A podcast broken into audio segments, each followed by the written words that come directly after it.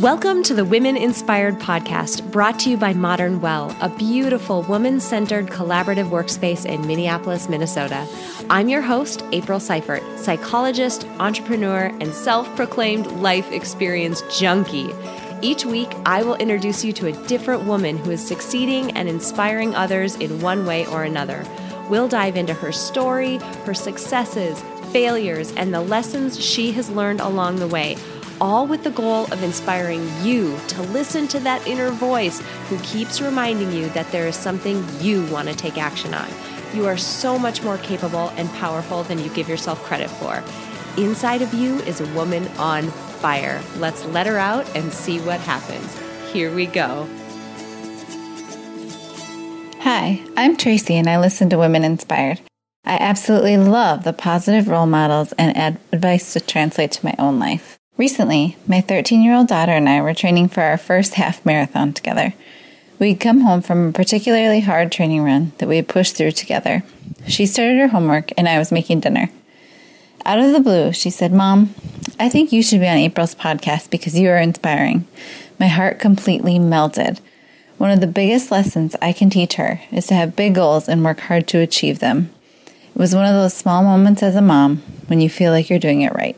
When we crossed that half marathon finish line together, it was so incredible. What had started off as a dream of training and running the race together became one of the best family moments in our lives to this point.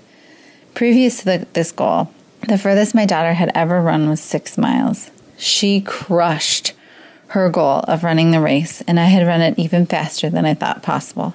We are so much stronger when we push each other and help each other accomplish our goals and you will never know what you are capable of unless you take that first step and start. Welcome back to the Women Inspired podcast. You just heard from Tracy, a listener of the show. She actually contacted me and told me about this heartwarming conversation she had with her daughter.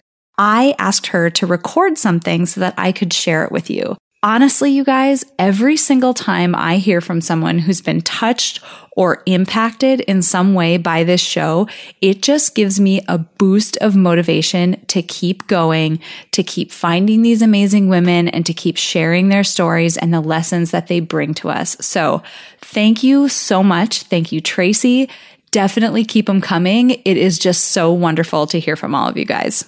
I'm so thrilled that you joined me this week because I get to introduce you to Susan Dank.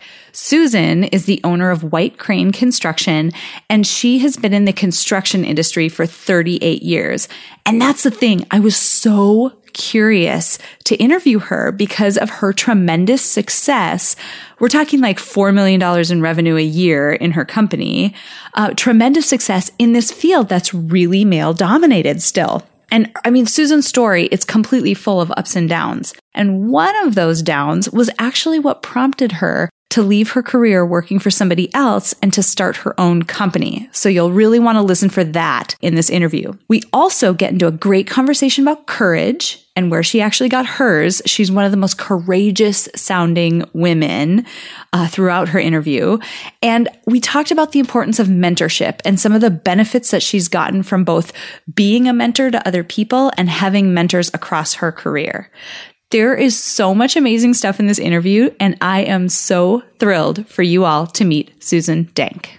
Well, hey, everybody, welcome back to the Women Inspired podcast. My name is April Seifert, and I am your host. And this week, we have a wonderful guest with us. We have a woman by the name of Susan Dank who has an incredible background as an entrepreneur, an incredible background as a leader and a champion for women's equity. And I am so excited for you to get to know her and hear her backstory and all of the amazing things that come with it. So welcome, Susan. Thanks for being here. You bet. Thank you. So I, you know, obviously teased everybody a little bit with what we were going to talk about today, but I always like to start by getting to know the person. So could you give us a bit of a background on you, where you grew up and, and all of the good stuff that it takes to get to get to know somebody before we dive into the interview? Oh, sure. I'd be happy to. Well, I grew up a number of places uh, because of the nature of my uh, family. My parents were actually both uh, in the Navy when they met. My mother was a Navy nurse, my father was a pilot. uh, in the Second World War. So that started their uh, their journey down the road, and uh, they had six children. And uh, my father's job pulled us from. He was a sales guy.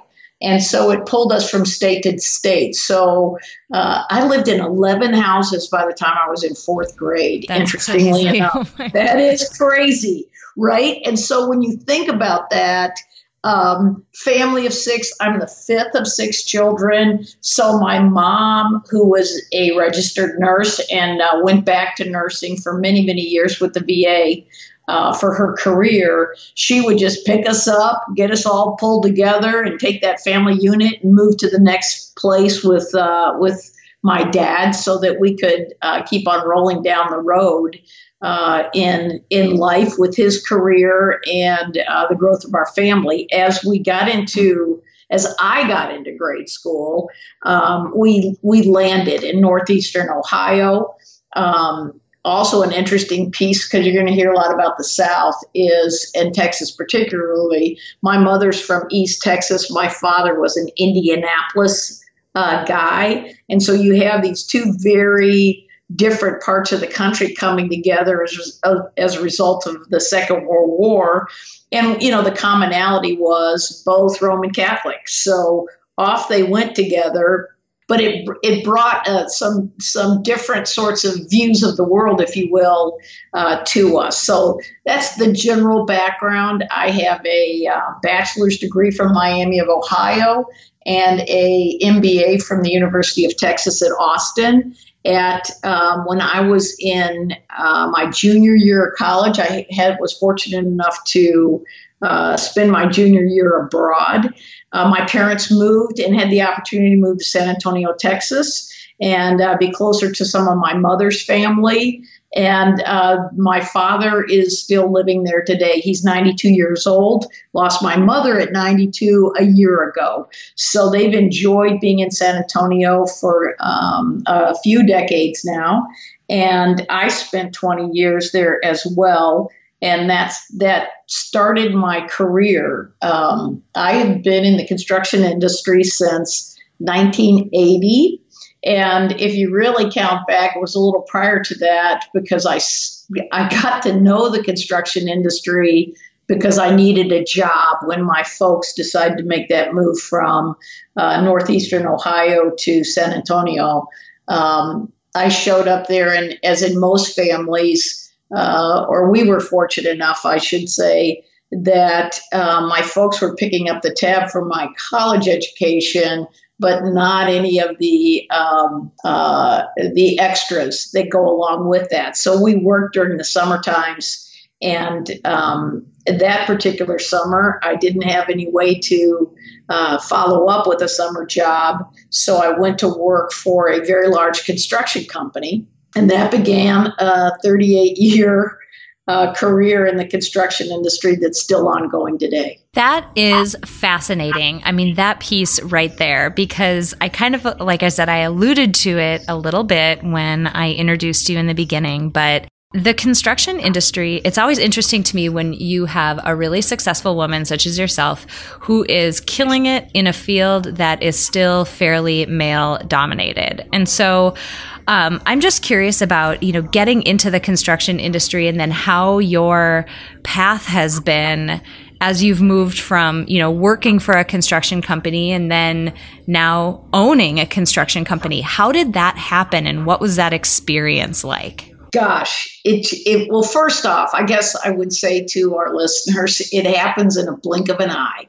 So uh, you hear that, it might seem like it's a, you know, a cliche, if you will, but surprisingly enough, it feels that way. Uh, I needed a job, went to work for this company in the summertime. They, when I left them to return to my senior year in college, they said, "Well, you know, if you ever need a job, you should come see us." And so I graduated with my BA. I really didn't know what I wanted to grow up to be. I have a, my bachelor's of arts is in public administration, and I thought that I was prepared to go do service work uh, in the government, uh, hopefully internationally. I love to travel, et cetera, and so forth. Well, what so that was a bit of a heart, heart's desire if you will but i wasn't prepared really to do that. So i found myself as many kids do uh, living at my parents house and knowing i'm not staying here. So and of course with my parents they were going that's just fine. It's about time you got a job. Yeah they're like so, why don't you get out of the house and go make some money? Right exactly. We're all for it right? Go figure out how to buy a car and get a job and get started so uh, I went to seek out this company that I'd worked summers for, and um, as in what what most of our listeners probably don't realize is that the majority of construction companies are still privately held in the United States, and what that means is whether you're an extremely large construction company and some of the ones that you know might uh, pop into mind uh, for our minnesota listeners would be mortenson or kraus anderson or some of those companies those are privately held companies and as is the company that I went to work for. Their name was HB Zachry. They're still in business. That's a multi billion dollar in uh, company, and that's a pretty big company for a construction company in the United States. But family owned. Uh, I found myself on a career track uh, from the beginning of my career where you start uh, in estimating and a thing called uh, office management, and then project engineering, and then as a superintendent. So you can imagine you're taking on greater and greater responsibilities around how to build things. And uh, for me, I spent a fair amount of time in the commercial side of our business, which means I can build buildings and uh, I can build buildings. And then I went, uh, I, I, you know, I was well liked in the company and uh, successful. Decided that I still didn't know what I wanted to grow up to be and went back to UT, University of Texas, for my master's in business. Now, I did that part time uh, to achieve my master's while I was still working. And um, as I graduated, I was still in the, our commercial division at Zachry. And as I graduated, they uh, my uh, the senior vice president of that division and i was i don't know i was at the managerial level i don't know that i was at the director level at that point but said to me well what do you want to do? And you can uh, you can do this susan or you can do this susan but i'm going to pay you to do this susan.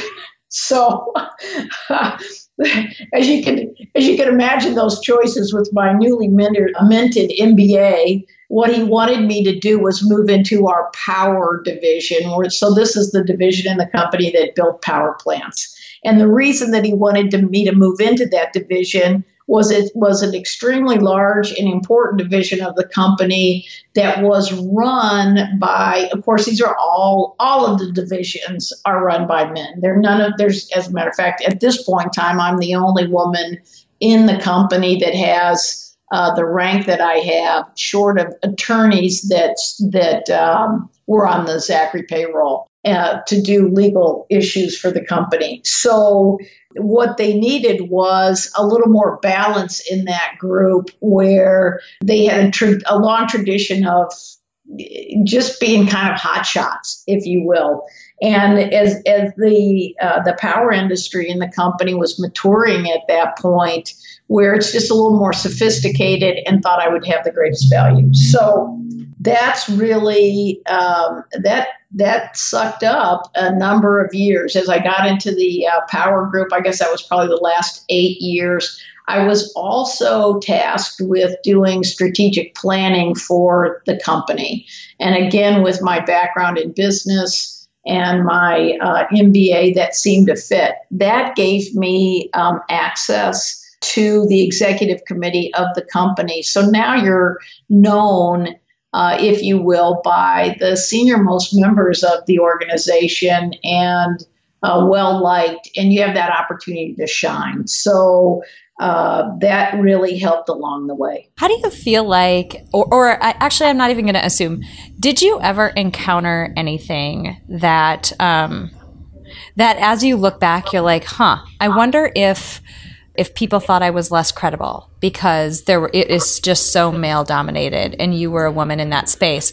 Or did you ever encounter anything where you felt like, wow, I'm being treated differently or I'm being asked to do things differently or anything like that? Was that at all an experience that you had? Absolutely. So, and and I say that April, it's interesting as I thought about it. There are just so many great guys that I worked with and men that I worked for over the years. And it wouldn't be a true story if I didn't tell you that I was hit on by men inappropriately.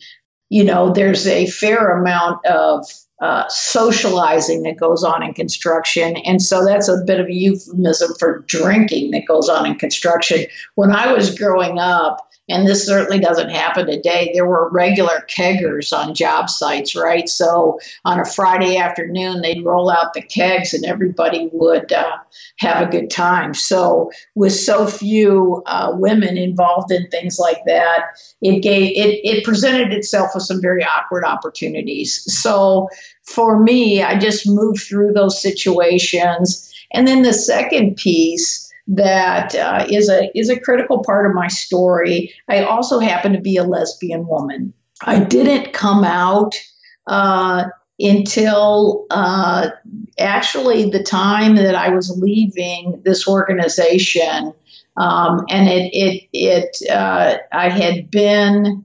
Um, addressing that a, from an internal perspective. Again, if you may recall, I said I came grew up in a very large Roman Catholic family, and so as the fifth of six children, um, that was that was a hidden secret for many many years. And um, so, you know, an internal conflict, if you will, that I was dealing with. Meanwhile, as I'm climbing this corporate ladder, so um, the fact that I wasn't married um, and, you know, in my late 20s and 30s and um, uh, not traditional in that way at all. So the executive team and senior management of this organization were all tall white guys, right? For the most, but not 100%. As a matter of fact, one of my favorite mentors, uh, uh, ha- happens to be Syrian um, and the chief engineer of the company. But for the majority, the great majority, they all look alike, right? They're tall and they're white and they're married and their wives don't work, uh, et cetera, and so forth. So I believe that that actually impacted my ability to both get mentorship in the organization uh, for leadership and as my promotional path grew. And I'm quite certain, although I have no proof of that, that if you were married, you were getting paid differently than I was getting paid.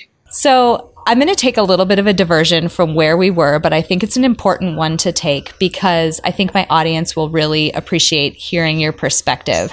You know, when we spoke prior to your interview, you seem extremely confident.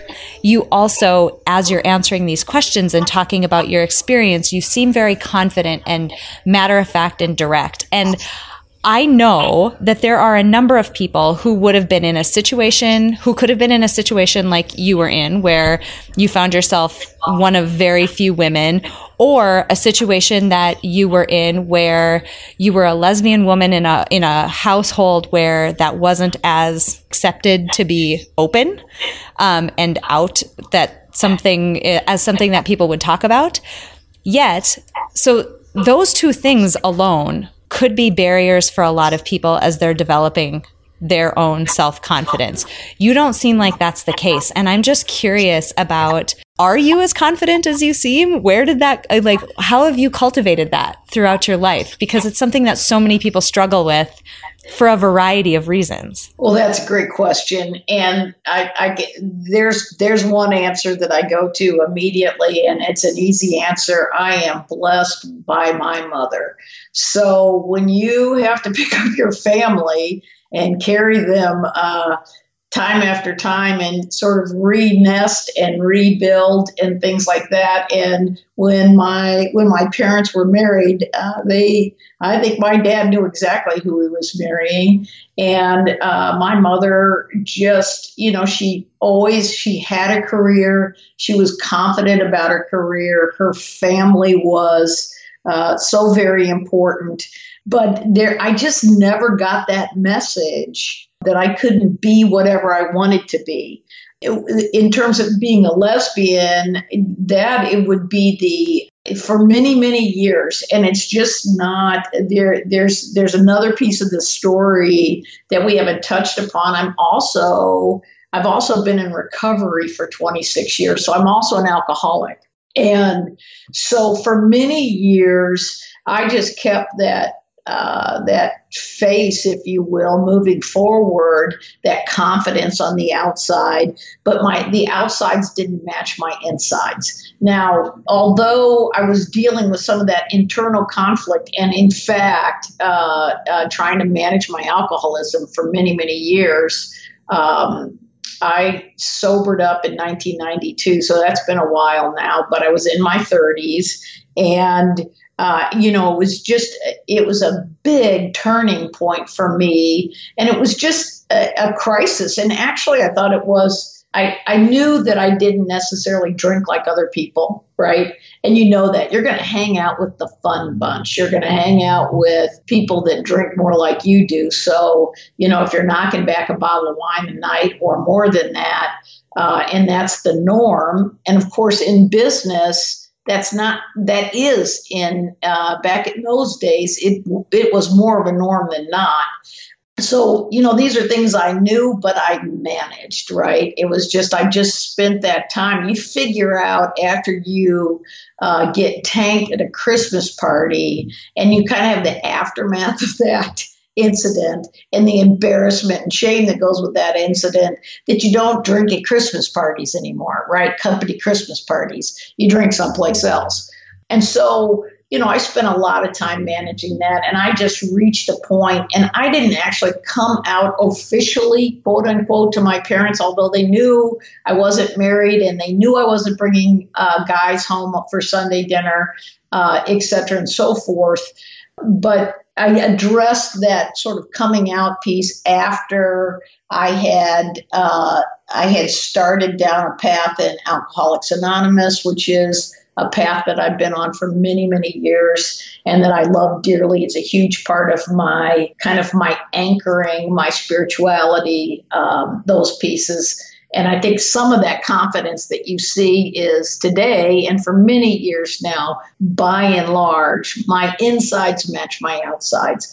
But it, up until my 30s wasn't the case. But I was blessed with that natural tenacity on birth, right? It's uh, I saw it in my mother and didn't know how to be anything else. And uh, was fortunate enough that was gifted with a good mind, and that helps. That's awesome. You made me smile so much when you said that. You know, your mom instilled that in you, and that she just never. It just was never a thing that you just couldn't do whatever you wanted to do and whatever you wanted to strive for. I think that is just beautiful, and it's a good piece for us all to keep in mind. You know, as we're thinking about sometimes working on ourselves and working on our own confidence and building ourselves up can feel like an indulgence or feel like something that isn't important work to do. And I would argue it's some of the most important work that you can do. Uh, oh, I couldn't agree more.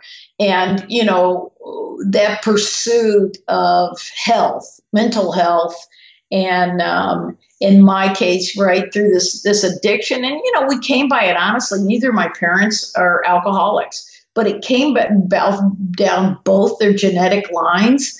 And I don't think you realize that so much when you're uh, when you're my age. My parents grew up during the, both of them during the Great Depression. And uh, during those times, if you had the structures of a strong religion and family, it didn't manifest itself as much. And yet, genetically, here here I am. Um, and you know, and it took a while to figure out, wow, this isn't just how everybody addresses life.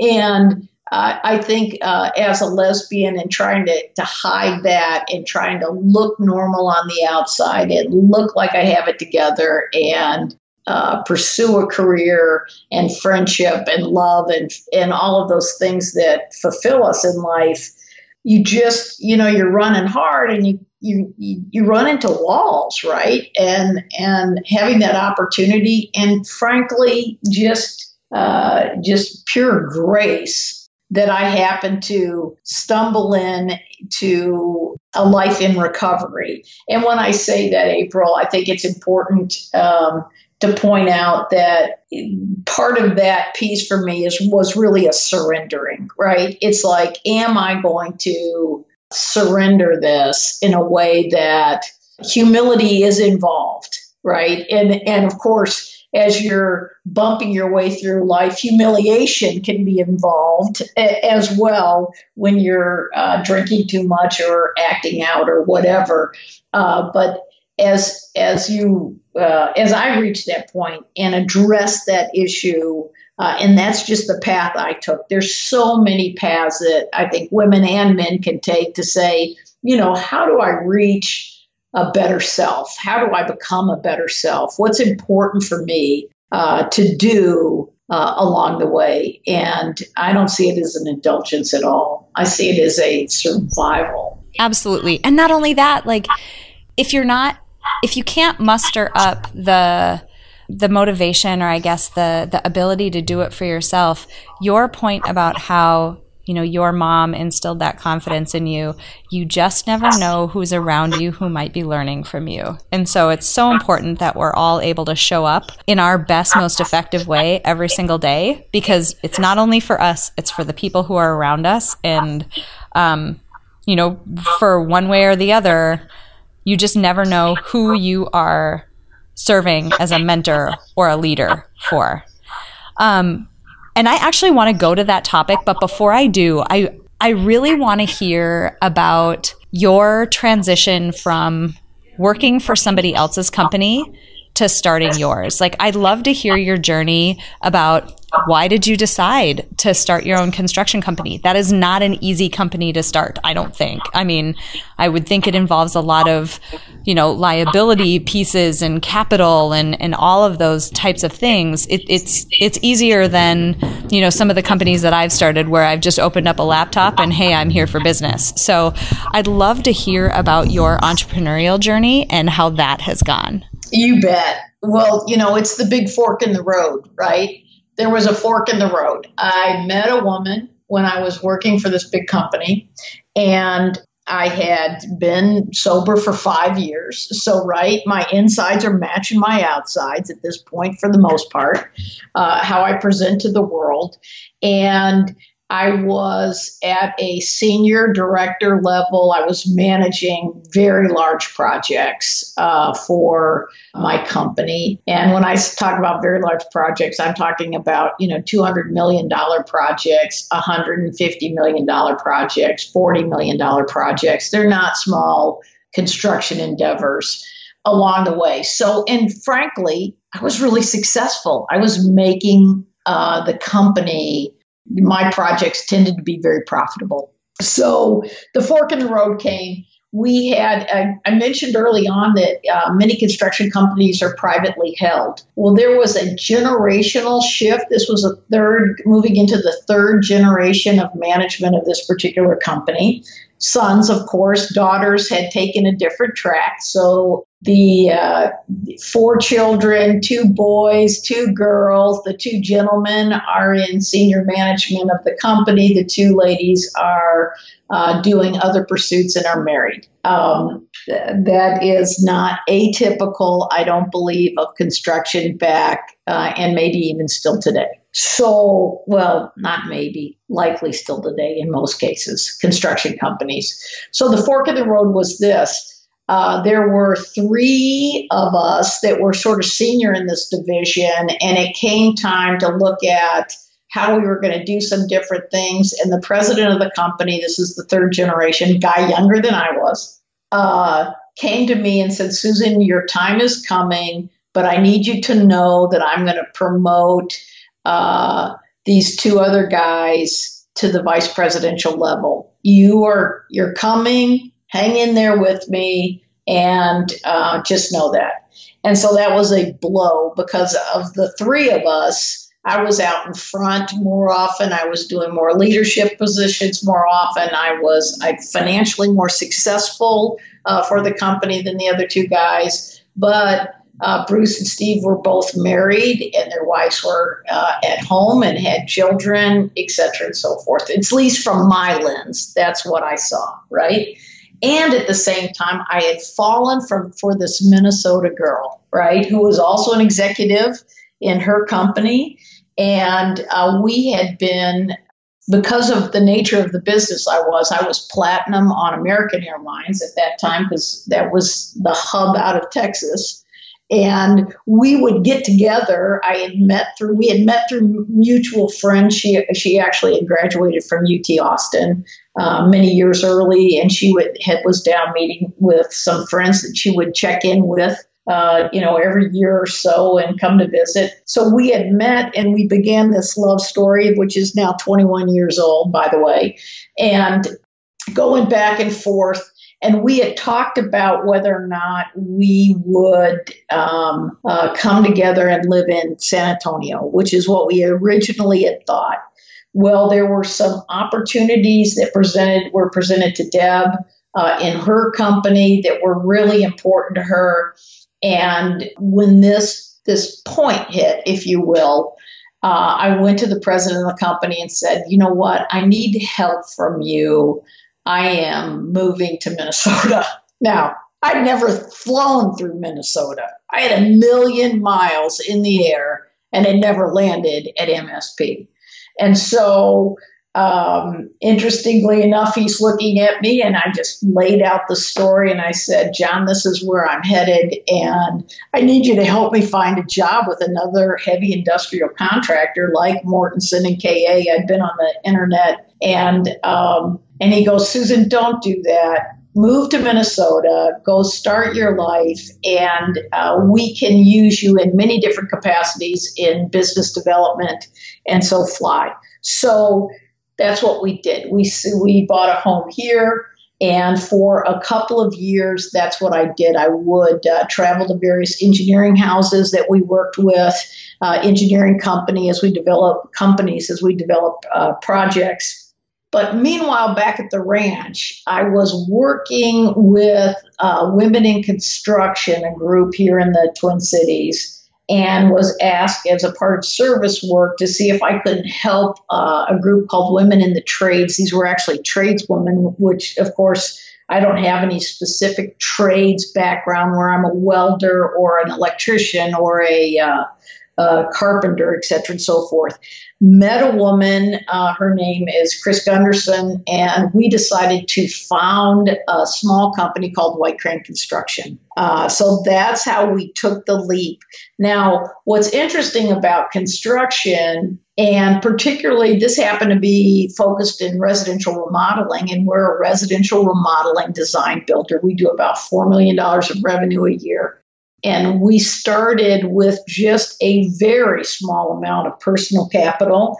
But what's interesting about construction, there are truly very low barriers to entry into the construction industry. You have to have a, a contracting license, uh, which means you have to know something about uh, general contracting. And guess what? I've been working in general contracting for 23 years. I knew something about that and uh, you know you just kind of hang out a shingle. So it's not so different as opening your computer.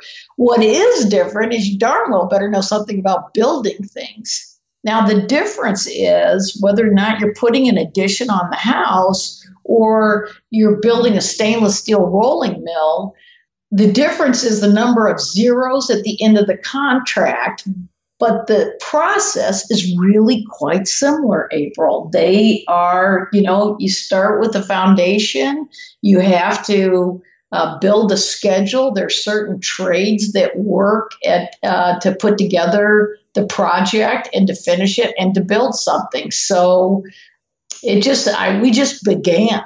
It was pretty frightening for me. I'll be honest with you. Without uh, my business partner, uh, Chris, at the time, that gave me the courage to say, because I never thought of myself as an entrepreneur. I'd worked for one company. And um, uh, as it turns out, I think of myself only as an entrepreneur these days. Uh, uh, and for the last 16 years. But uh, that that was uh, that was a journey to take. But it was it was a leap of faith. Uh, it didn't take long for me to realize that I loved owning my own company. I uh, had to smile again when you said, "I don't know, we just began." I cannot tell you, I can't count anymore how many incredibly successful women I've spoken to just over the year and a half that I've been doing this podcast, how many incredibly successful women that I've spoken to who have said that exact, like literally a derivative of those exact same words. They've, you know, been some of the biggest entrepreneurs. They've built, you know, multi-million dollar companies. I mean, been amazingly successful. Um, and when you talk to them about those beginning days, they say, "Yeah, I, I just started." We didn't really know what it was going to turn into and i didn't really realize everything that would be involved so we just started and that i think is so important for people to continually hear yeah. because i think people think there's some kind of magical moment that happens but it isn't some you, you literally just all right we're just we're just going to start today. What's our first thing? Yeah it's you know it does take courage. And for me uh, that's why i wanted to call chris out because i you know it, it very early in the company um, i bought chris out. We had a um, uh, that was a decision we mutually made. Uh, so i've been the sole owner for many many years now. But without her I, you know, I'm not sure I would have had the courage. And that gave me just the push I needed to start. So, for other women that are out there that know something or have an idea uh, that's a great idea, and in your case, it's doing these podcasts and other things that you think might turn into something, then just try, right? And um, I'm so glad I did I am so glad I did. It opened up different opportunities as I look back. We touched on mentorship and um, uh, where I got it in in in my big job doing heavy industrial construction, and where I didn't get it. And uh, for me today, uh, and for many years, service is a big piece of uh, of who I am. Uh, and again, I get that from my mother as a nurse. You know, nurses just by their nature, they are there to serve. They're there helping people. And I've watched her for all of my life uh, reach out and be there for people in need, not just in her professional life, but also, you know, we were the house where if the kid needed stitches, they'd come to our house. Or if the kid needed their stitches taken out, they'd come to our house. Or if somebody was, uh, in hospice or wanted to die at home, my mom would be there for them. So that sense of service has been with me for a long time.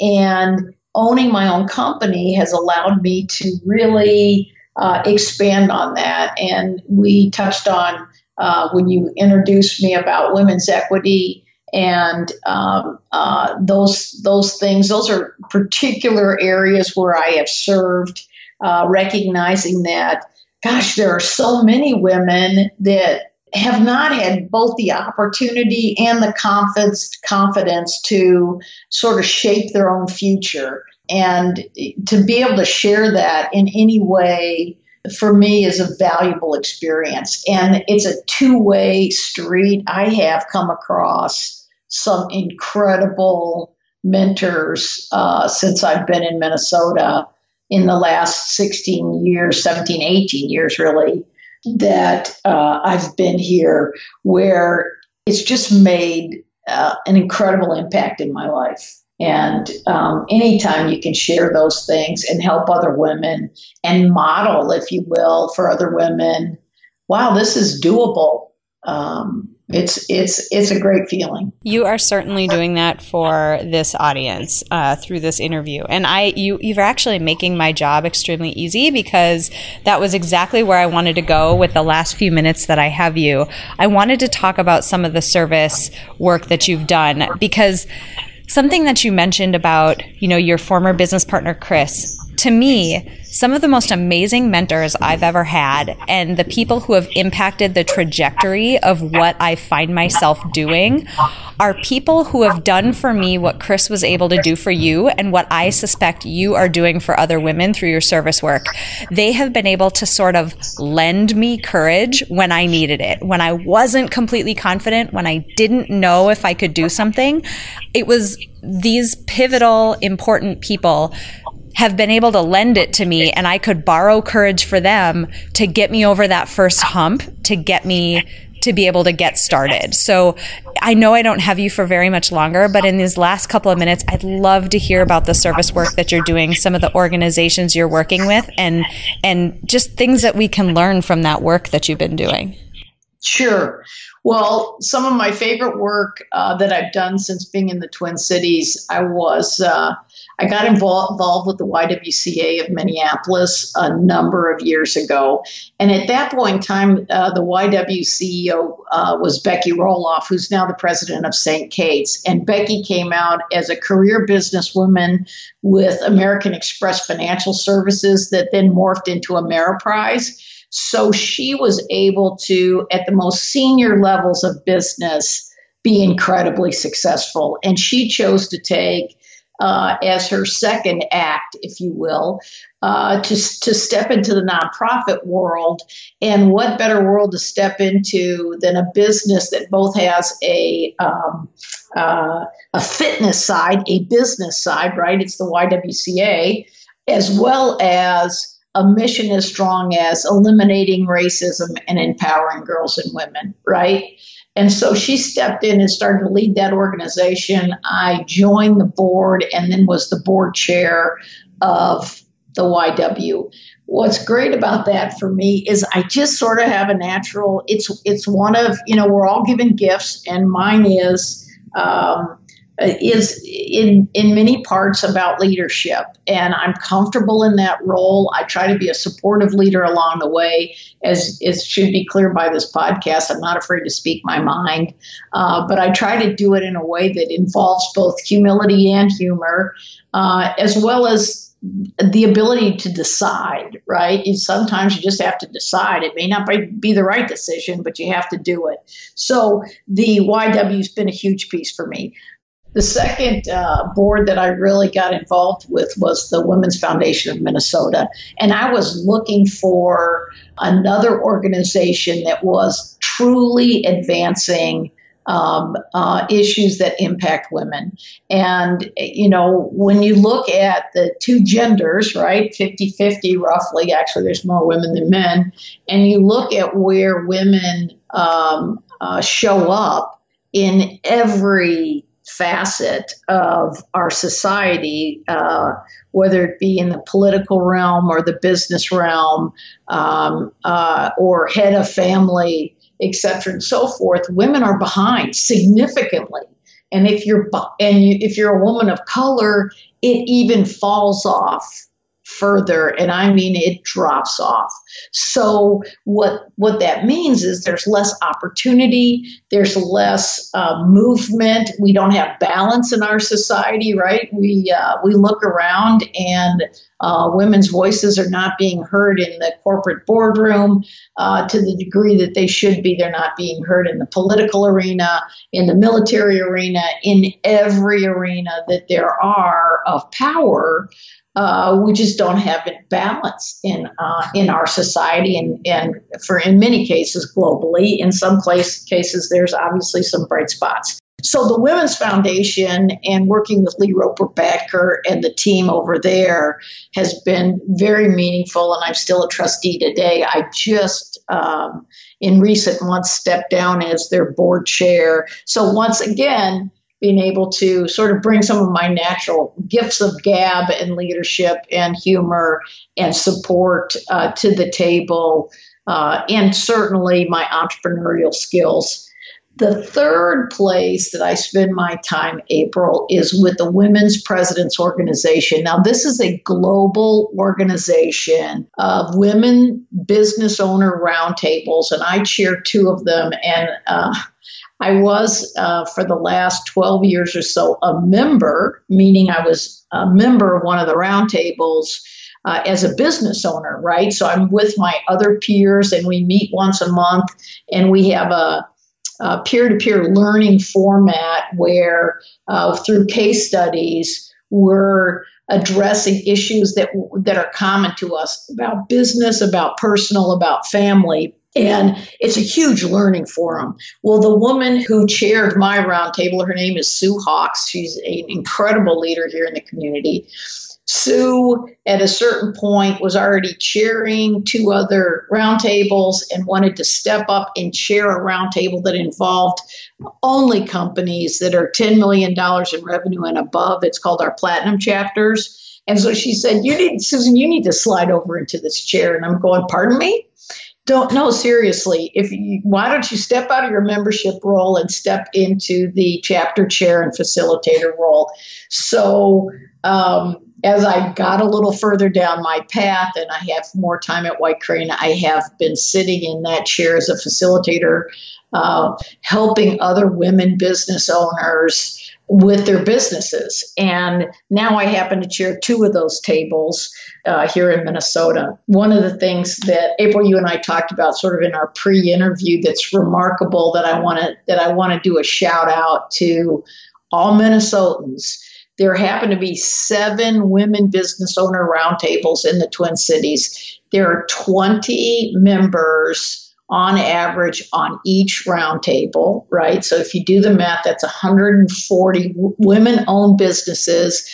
The at, for this particular organization, if you're a service business, you have to have over a million dollars in revenue annually. And if you're manufacturing, it has to be over $2 million that's those are the smaller companies on these roundtables and the twin cities has more WPO members, Women President Organization members, than any place else on the globe. The That's headquarters amazing. of the WPO is in New York, so it's in Manhattan, New York, New York. And uh, we're proud of that. So that should give you an idea of how many women are stepping into entrepreneurial roles. And I'm not talking about stepping into them in small ways. There are women in this community, and many of them that are running very large companies. I love that there's something about getting a concentration of people together who are doing really big things. It only elevates everyone who's part of that. You know, like you get around people who are achieving greatness around you and you start to question like, wow, what what might I be able to do? And I just love that you have dedicated so much of your time and so many of your talents to organizations like these.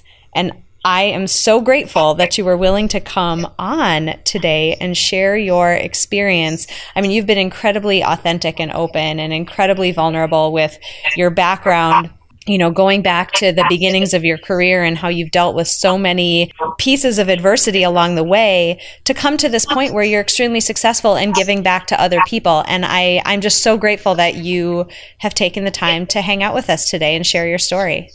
You bet. It's been a real pleasure, and it sort of cracks me up as uh, as I move down the road. I'm so blessed, uh, and you know, courage is involved. So I, I would say that to to people, if there was a takeaway for me, courage is involved. You've you've got to, and and as you said, if you can't if you can't manifest it in yourself, then I love the way you said and I did in this case borrow it from somebody else. And if you can't borrow it, steal it, right? So just find a way to take the next step. Uh, that's just so very important. You're speaking my language completely. Before I let you go today, I have to ask you the last question that I ask every single woman that I interview. Uh, we are compiling a Spotify Power playlist, which are all songs that are motivational in nature, and they are all songs that have been contributed by these incredible women that I have been interviewing. So I have to ask for your favorite motivational song. I would say it's a song by Peter Mayer called Holy Now. Right on. I don't think that's on there. I'll have to. Yeah. Well, I was, uh, you know, I I love to listen to music, but I would not call myself an aficionado, right? I grew up in the area of Springsteen, who I love, and I love the Dixie Chicks. You know, I'm from the South, and there are just so many wonderful musicians there. But that's that's a, every time I hear that song, it reminds me to be a better person it reminds me to look for uh, the goodness instead of in a world where it's so easy to get uh, stuck in the for you'll probably edit this in the shit show of life uh, that we see coming at us day over day you know looking at that glass as half full uh, is a valuable thing I will not edit that word out. I will just hit my explicit button and it'll all be good. So we're good. um, this honestly, Susan, this has been just wonderful. I so appreciate again you coming on, sharing your story, and it has just been incredible to get to know you. Thank you so much. Right back at you. Thanks, April. Okay, that woman is seriously courageous. Am I right? Oh my gosh. Okay, as always, I have a few things that I want to call out from my interview with Susan. First of all, I asked her about how she cultivated that incredible confidence that I felt just literally like oozing out of her during our entire conversation. And she gave so much credit to her mom and the example that her mom set. And I think that is so awesome and poignant. And even more than that, she noted that for the longest time, and I love how she put this, her outsides didn't match her insides. She was battling alcoholism and she was living as a lesbian inside a Roman Catholic family. And she really felt like she had to hide these really big aspects of herself and had to work really hard as a result of it to just work on herself and make those two things match her outsides and her insides so that she could really live in an authentic way. And I loved that we got into a conversation about the importance of setting aside time to take care of yourself and your own mental health because of the impact that it has on your own life and the impact that it has on the lives of the people around you. I mean, bottom line, it wasn't until Susan's insides matched her outsides that she could actually live authentically and be that confident woman that we met during this interview. There is something to be learned there. I also asked Susan about her transition to entrepreneurship. She talked about the blow that she got when she was outperforming her male coworkers, like objectively outperforming them, yet they kept getting promoted above her. And it was so neat. I mean, she said she met her initial business partner and in her words, quote, they just began. I mean, how many times have you heard me highlight that exact same point on this podcast? The big difference between you and other women who are extremely success- successful is that they just started. That's it.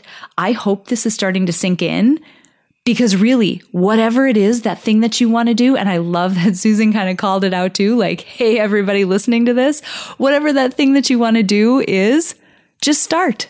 Just do it. And I also love, on that note, that we touched on the power of mentorship and how good mentors can lend you courage when you need it most. And sometimes that just might mean if you're trying to start that big goal and start something new, you might need somebody to lend you some courage and mentorship with somebody who is incredibly supportive is one way that you can get that extra little dose of courage. Sometimes you just need that extra boost. There have been so many times in my career where I've needed just a little extra dose of confidence to take the next step.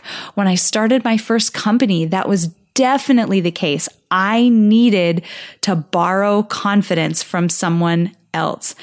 And some of the incredible mentors that I've been fortunate to work with have been able to do that for me. And so to me, this is one reason why it's so important to cultivate a tribe of supportive people to help you when you need it most because you've got them there. They're ready and they're excited to help you. They are already invested in you. They already believe in you. So rely on those people to help give you that little extra boost of confidence so that you can go after that big thing that you want to accomplish. Before we close out today, I want to say thank you to my producer, Cameron Hill, and to my incredible sponsor, Modern Well. If you want to learn more about how you can reach your goals in a one of a kind work life community, visit www.modernwell.co.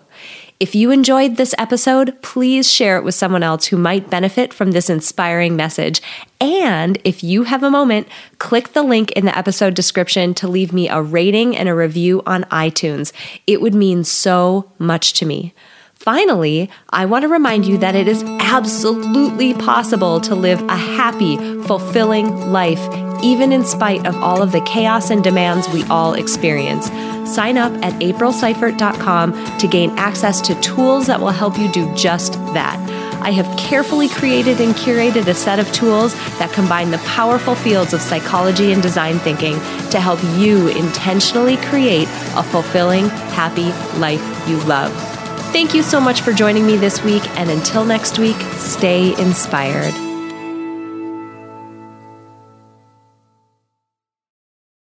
At Parker, our purpose is simple. We want to make the world a better place by working more efficiently, by using more sustainable practices, by developing better technologies. We keep moving forward. With each new idea, innovation, and partnership, we're one step closer to fulfilling our purpose every single day. To find out more, visit parker.com/purpose.